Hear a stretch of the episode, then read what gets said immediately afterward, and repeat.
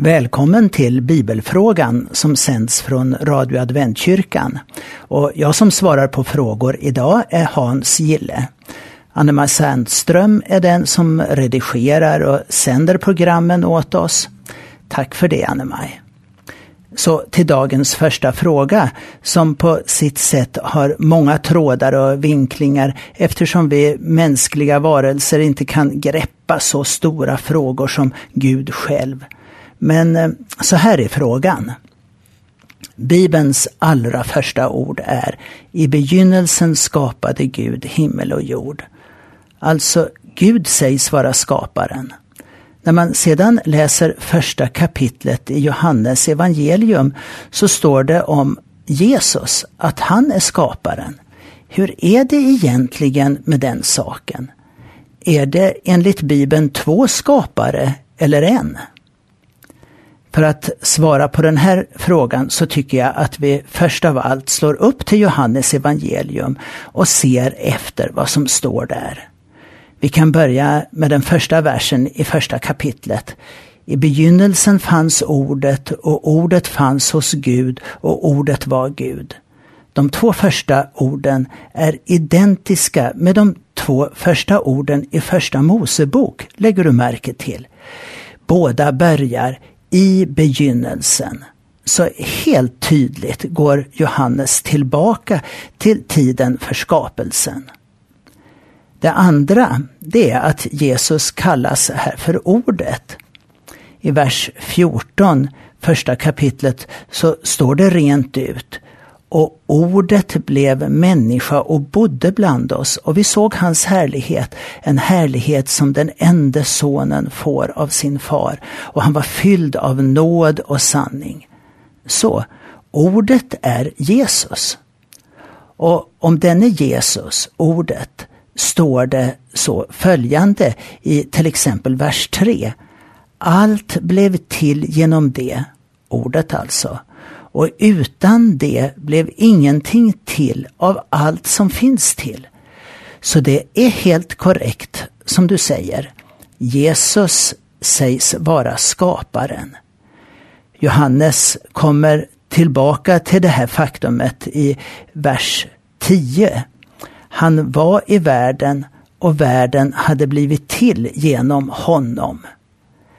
Det förutsätter att Jesus fanns innan han föddes här på jorden. Jesus är inte bara den som föddes av sina jordiska föräldrar Josef och Maria.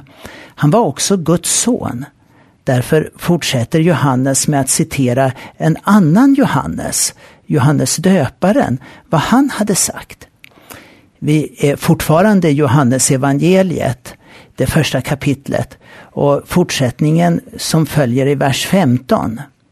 Det står Johannes, alltså döparen, vittnar om honom och ropar.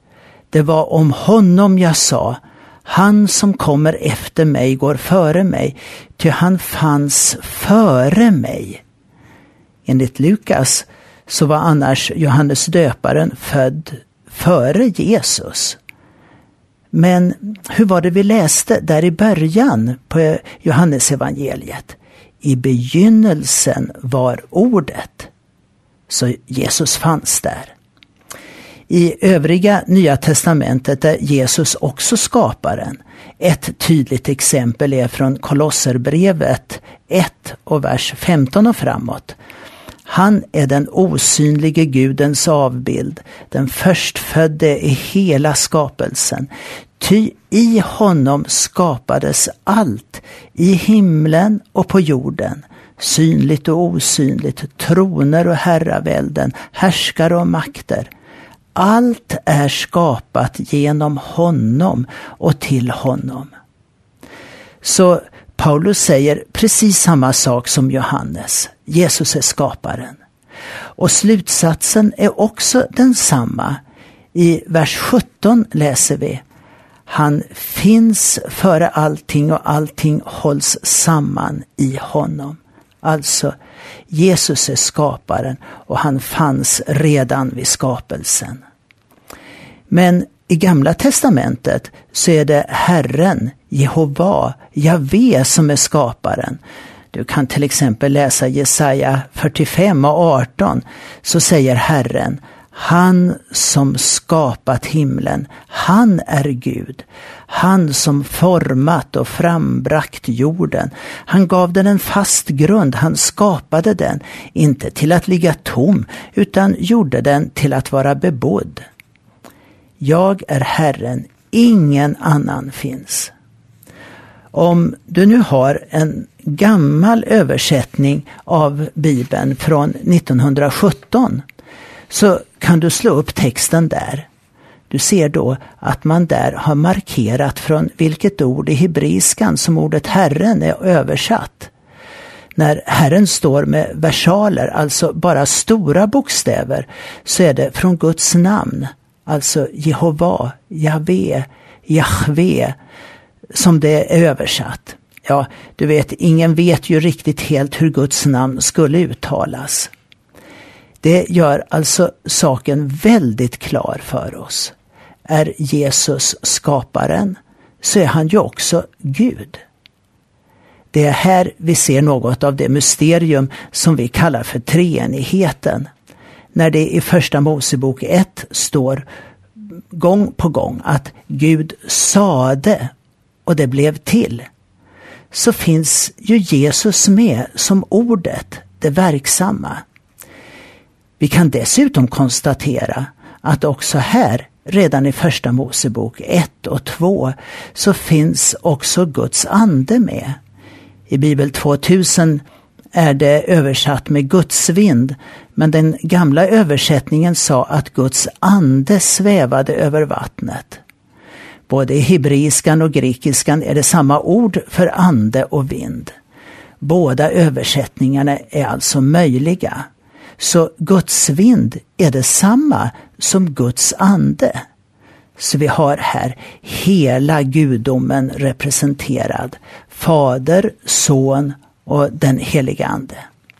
Dessutom är ordet för Gud i det här första kapitlet i Bibeln med en form som är i pluralis. Och lite senare i Första Mosebok 1 säger Gud där när människan ska skapas i vers 26. Vi ska göra människor som är vår avbild lika oss. En del säger att det är ett gammalt majestäts pluralis i stil med det gamla uttrycket vi, Sveriges konung och så vidare. Må så vara. Men även ur den synvinkeln så var ju även majestätet, kungen och hans närmaste stab flera personer. Även den var mer än en. Men givetvis är det först med uppenbarelsen i Jesus som det blir mycket klarare. För Jesus säger ju själv att han kom för att uppenbara hurdan Gud verkligen är. Jag och Fadern är ett, sa han till lärjungarna. Så visst är både Fadern och Sonen med i skapelsen och dessutom den heliga Ande. En fråga som infinner sig för många är väl snarare om Gud överhuvudtaget är den som skapat världen, nu när allting påstås ha kommit till av en slump. Men det är nu ett större ämne och som vi nu och då har tagit upp i våra program här i Radio Adventkyrkan och lär återkomma till. Men tänk så här. När du ser och hör om naturens otroligt invecklade system som bara blir mer och mer eh, underbara och mer och mer invecklade ju mer vi studerar det. Är det då inte enklare och mer logiskt att tänka sig en mycket intelligent skapare bakom allt? Jag läste nyligen från salmen 53 och 2. Där står det Dårarna tänker det finns ingen Gud.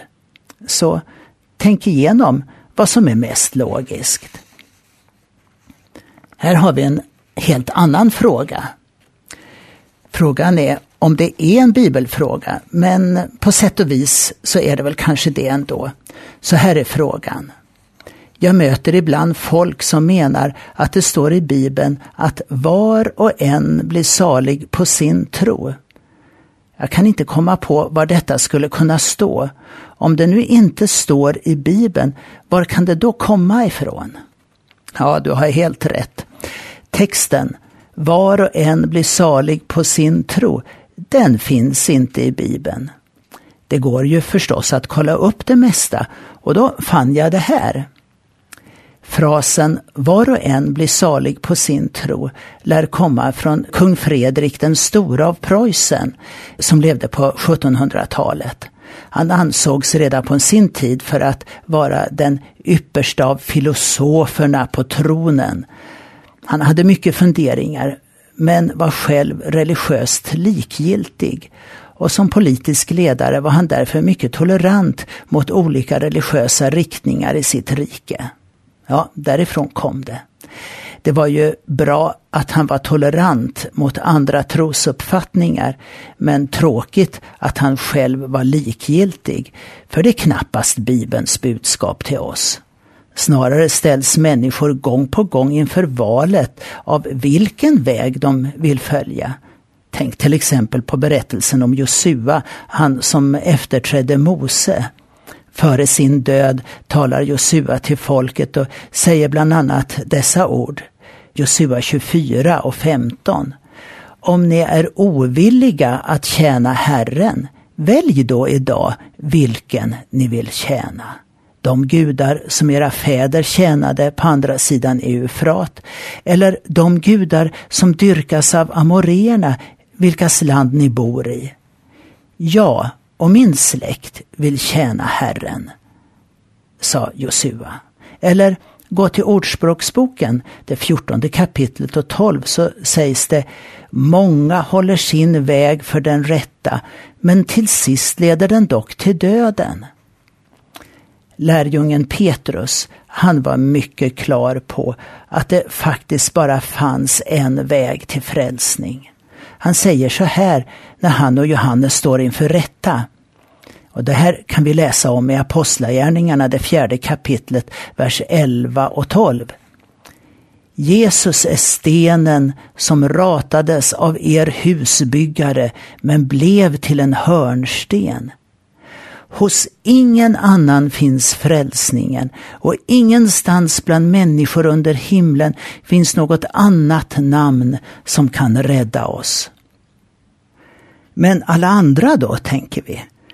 Paulus tänkte då på sitt eget folk som hade fått lagen och Guds vilja väldigt klart uttryckt och jämförde med de övriga, de som kallades för hedningar.